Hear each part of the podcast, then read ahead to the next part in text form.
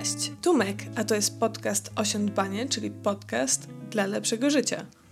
A dzisiaj pozastanawiamy się wspólnie, czy pracujemy z domu, czy mieszkamy w pracy. O pracy zdalnej. Wszyscy wiemy, jak to jest pracować zdalnie, ale czy na pewno wszyscy?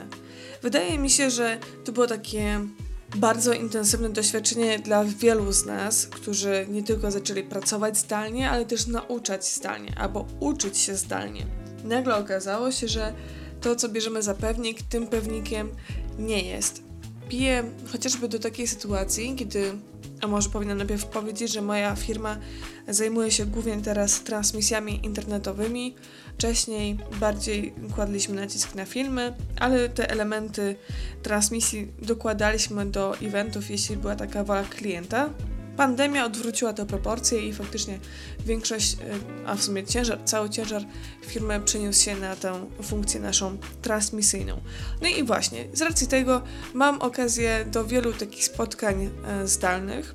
I tak wydawało mi się, że no skoro my tak mamy, to sporo osób też tak ma.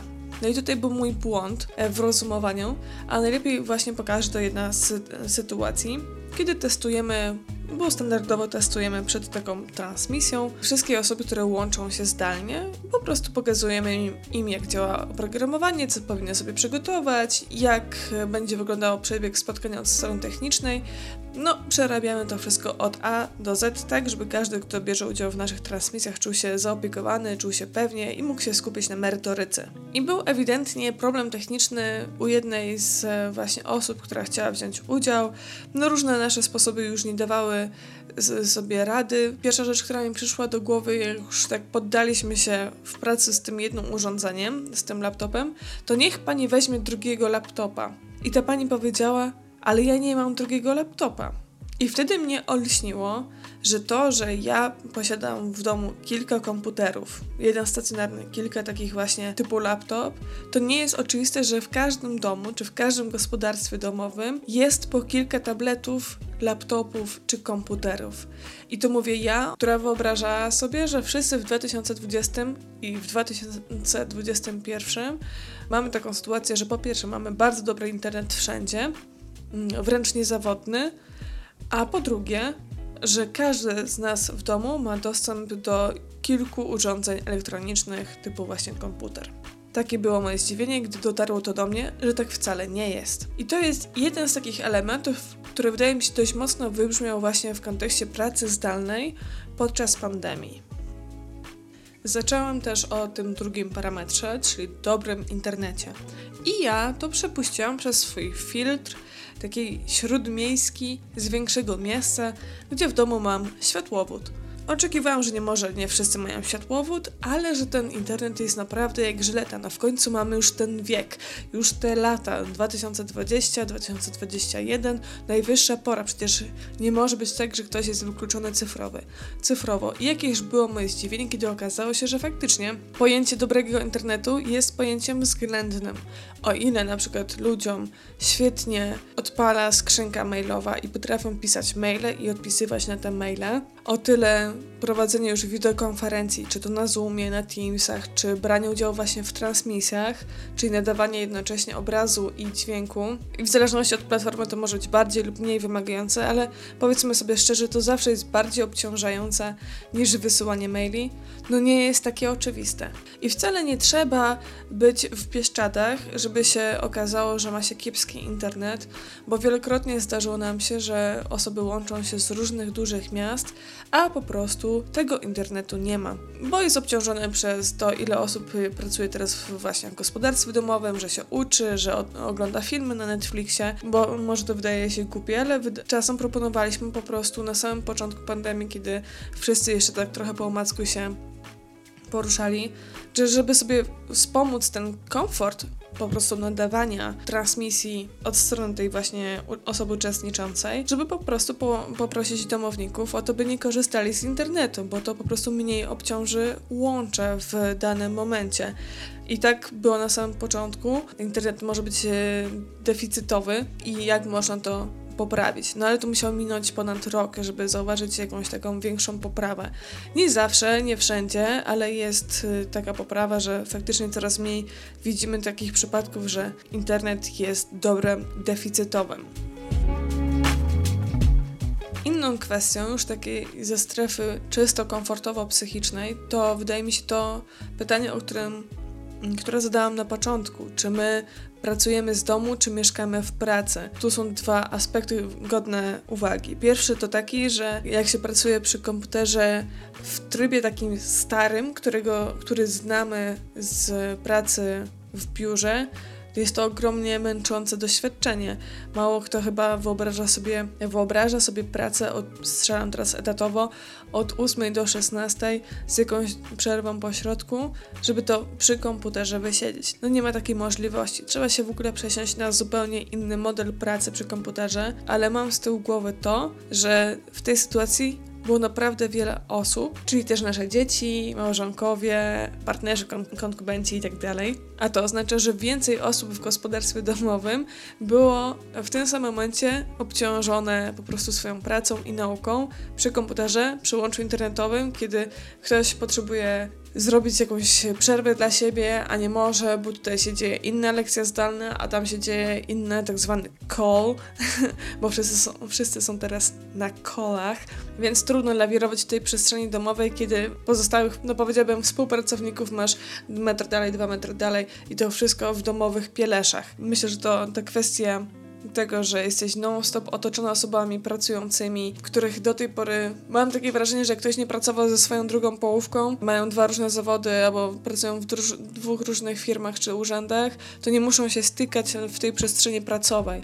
A kiedy przychodzi pandemia, to nagle okazuje się, że nie tylko jesteście małżonkami i mieszkacie razem, ale też po prostu jesteście też pracownikami, którzy muszą te dwa firmy, te dwie firmy pogodzić się na małej przestrzeni, bo nie wiem jak wy, ale wydaje mi się, obserwując ostatnio rynek nieruchomości, że Polacy nie mieszkają na jakichś nie wiadomo wielkich hektarach. Tutaj myślę o jakiejś takiej zabudowie miejskiej, śródmiejskiej. Bądźmy szczerzy, to nie są wielkie wille, raczej stara, e, dobra, wielka płyta, która ma raptem kilkadziesiąt metrów.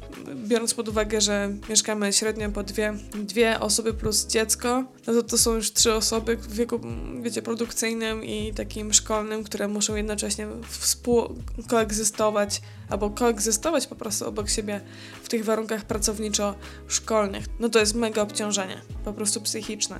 Już nie wspominając o tym, że jak tylko obrócisz swój fotel obrotowy od biurka, to jesteś teraz, nie wiem, w kuchni, albo jesteś teraz w jadalni i chciałabyś coś zjeść, albo coś sobie zorganizować. Magiczna bariera między domem a pracą jest totalnie zatarta. To sprzyja różnym naprawdę różnym obciążeniom psychicznym. Zresztą nie bez powodu Rzecznik Praw Obywatelskich w pierwszych miesiącach pandemii opublikował, albo bardziej przypomniał swoje y, broszury, które wypracował z środowiskami feministycznymi na temat, jak sobie, na temat tego, jak sobie radzić z przemocą domową, ponieważ zauważono, że ludzie ściśnięci w domach, zamknięci w czasach totalnej, ogromnej niepewności łatwiej popadali w takie zachowania przemocowe sama ta strefa praca a dom została mocno zatarta i przyniosła takie dość duże obciążenie dla wszystkich, którzy mm, po prostu przynieśli się z pracą do domu. Myślę, że byłoby mi przyjemnie, gdybym mogła tylko skupić się na tym, jak niekorzystnie praca zdalna wpłynęła na, na nas wszystkich, ale powiedzmy sobie szczerze, praca zdalna dla wielu osób była przywilejem, bo to oznaczało, że ich pracodawca jest gotowy na to, żeby ich po prostu odesłać do domu i pozwolić pracować lepiej lub gorzej, ale jednak pracować z domu w bezpiecznym środowisku. No nie każdy z nas mógł zostać bezpiecznie w domu, odizolowany od innych, nawet jeśli tego bardzo nie chcieliśmy. I nie musiał się bezpośrednio narażać na kontakty, to, że mogłam bezpiecznie pracować z domu. I miałam możliwości sprzętowe, a także otwartość współpracowników i klientów na to, to jest duży przywilej. Były takie miejsca jak sklepy właśnie, czy szpitale, apteki. Szukaliśmy jakiegoś ratunku, e, żeby móc po prostu się zabezpieczyć siebie i swoich bliskich. Więc nie dla każdego praca zdalna była możliwa i myślę, że można ją spokojnie rozpatrywać w kontekście przywileju punktu widzenia osoby, która zajmuje się zawodowo, no, eventami, nazwijmy to brzydko, ale po prostu organizowaniem pewnych doświadczeń, bardziej od strony multimedialnej niż jakoś taka super, no nie wiem, że razem z cateringiem i z bilet, ze sprzedażą biletów, bardziej, nie w tę stronę, bardziej w tę, to mieliśmy okazję obserwować to, jak wiele, o wiele więcej osób do tej pory wykluczonych z udziału mogło wziąć udział, bo na przykład są wykluczone nie tylko w związku z tym, że mają pewną niepełnosprawność ruchową i trudno byłoby im dotrzeć w różne miejsca, chociażby z tego powodu, że budynek jest niedostosowany do ich potrzeb, ale też myślę o osobach wykluczonych komunikacyjnie, które mają kilka autobusów w ciągu dnia i nie mogą się dostać o wybranych, wymarzonych przez siebie porach, tylko musiałyby kombinować, że tutaj trzeba poczekać godzinę, a tutaj trzeba dojechać e, w ten sposób, kilka razy się przesiadając. Więc te wydarzenia online'owe, koncerty online, debaty online, wszystkie konferencje, wydaje mi się, że o tyle zyskały na mocy, że włączyły sporą część społeczeństwa, o których zazwyczaj pewnie nie myślimy, gdy wybieramy się, gdy wybieram się na właśnie koncert albo na konferencję. To, że wcześniej się nie myślało o, o tych osobach, że mają swoje potrzeby i też chcą po prostu korzystać z życia, z tego wszystkiego, co oferuje i rozrywka, kultura, sport, no właśnie też coś obrazuje. Wspominałam o tym na początku, że ja prowadzę firmę od ponad 3 lat i od samego początku firmy pracuję zdalnie. I wraz z rozwojem zespołu nie przychodziłam do systemu spotykania się w biurze, nie zastanawiałam się nad tym, czy powiększać biuro, czy w ogóle je mieć, bo tak naprawdę ja fizycznego biura nie mam, mam wirtualne biuro. Nie miałam tego dylematu, bo też wypracowałam sobie ze swoim zespołem sposoby, jak efektywnie dzielić się pracą, jak ją realizować, jak sprawdzać, czy robione są postępy, końcowo po prostu domykać te projekty. To była, wydaje mi się, że dopiero w pandemii zrozumiałam moc naszej firmy w kontekście właśnie zarządzania sobą w takim rozproszonym zespole, który łączy się w niektórych momentach, a w niektórych momentach nie ma takiej potrzeby, bo pokładamy w sobie zaufanie i wiemy, co do kogo, do czego należy. I co ciekawe, jedną z takich rzeczy, jak właśnie zaufanie liderów do zespołu było, było jedną z kluczowych rzeczy, które pomogło ludziom przetrwać właśnie pracę zdalną. A mówię tutaj, na, tutaj to na podstawie raportu, który został przygotowany tamtym roku, w czerwcu, przez firmę doradczą Deloitte. I teraz chciałabym parę Wam e, liczb, procentów pokazać, ale też trochę zaprognozować, czego oczekują pracownicy a może też i pracodawcy w kontekście postpandemicznej pracy.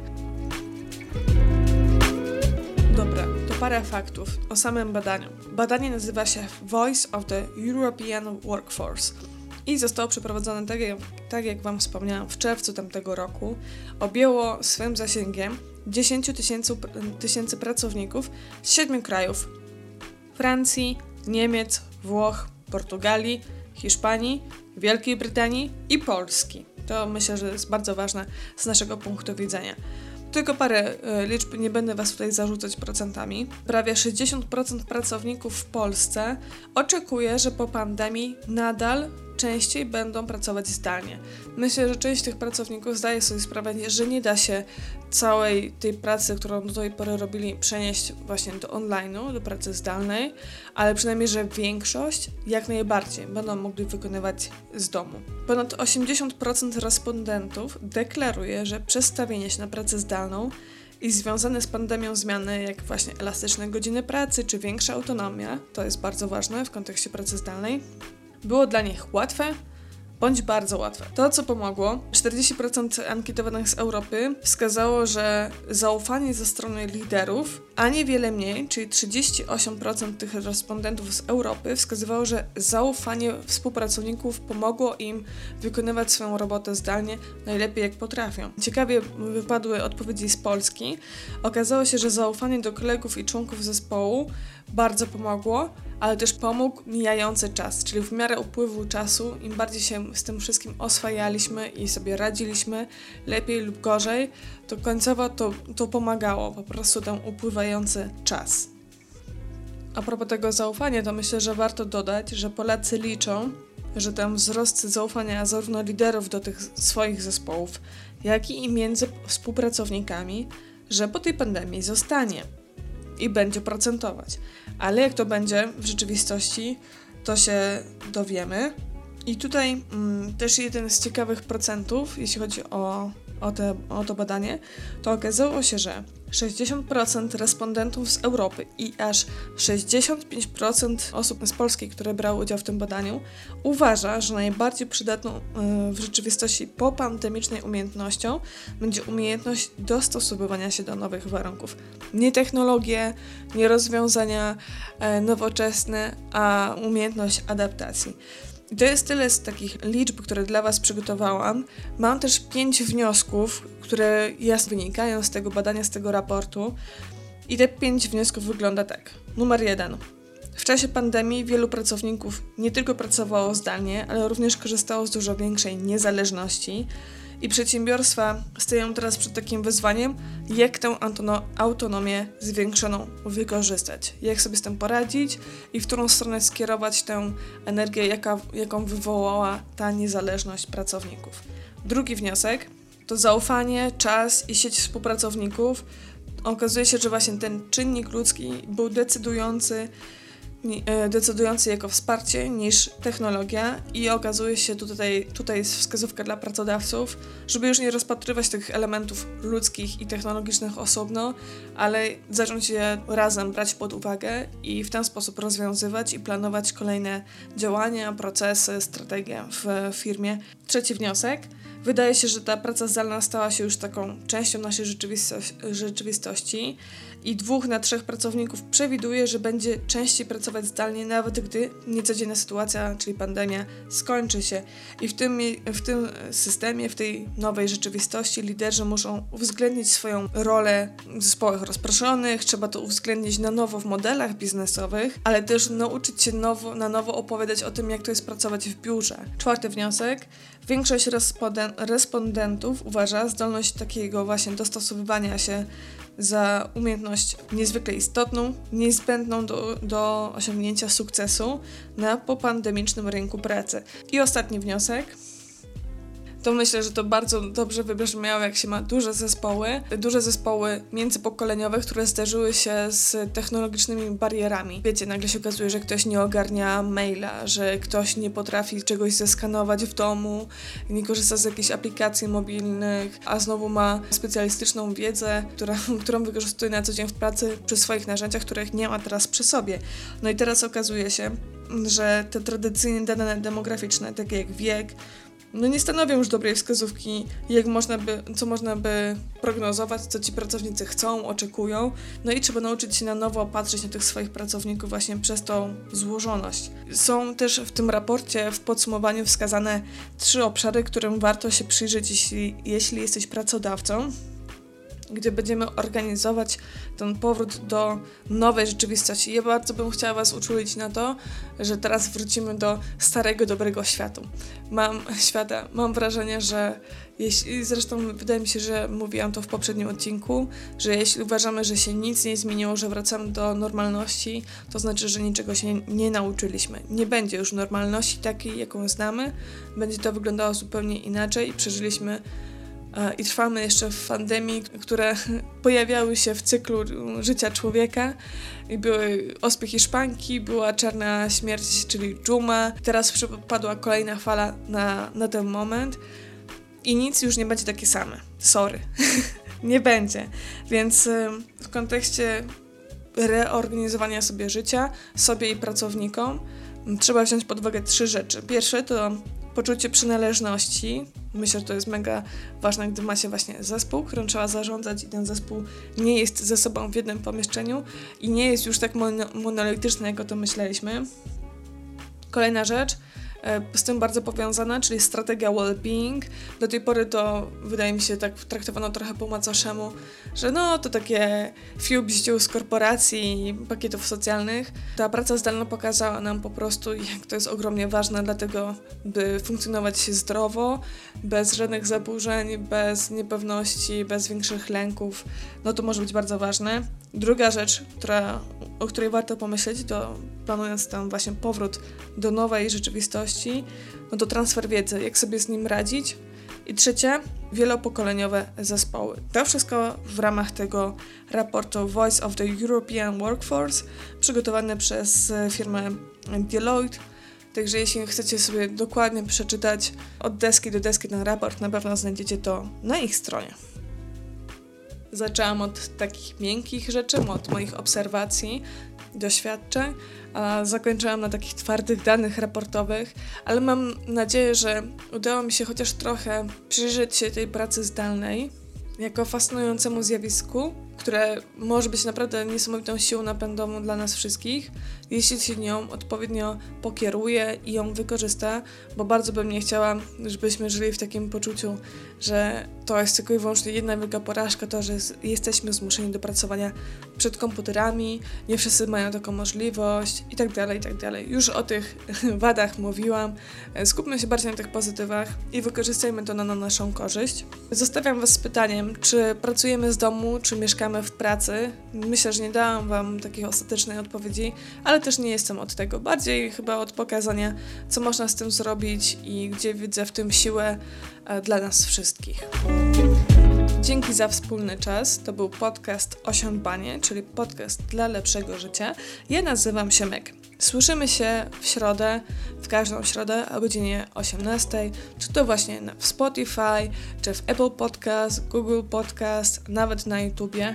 Tam, gdzie tego słuchasz, e, zostaw po sobie ślad. Będzie mi niezmiernie miło być z Wami w kontakcie, więc czy to będziesz subskrybować, polubisz, skomentujesz, zaczniesz obserwować, to chyba już to mówiłam, a nawet jeśli dojdziesz do wniosku, że warto byłoby podzielić się linkiem do tego odcinka z osobą, która powinna tego posłuchać, to zrób to proszę, podziel się, wyślij jej linka, być może właśnie pomoże jej to w pracy albo w lepszym życiu właśnie w domu. nie, tak cały czas myślę o tej pracy zdalnej. Okay. jeśli po prostu chcesz podzielić się linkiem, zrób to proszę, udostępnij też w moich, swoich mediach społecznościowych, będę ogromnie, ogromnie wdzięczna. Także jesteśmy in touch, słyszymy się w środę o 18 i do usłyszenia, do zobaczenia, cześć.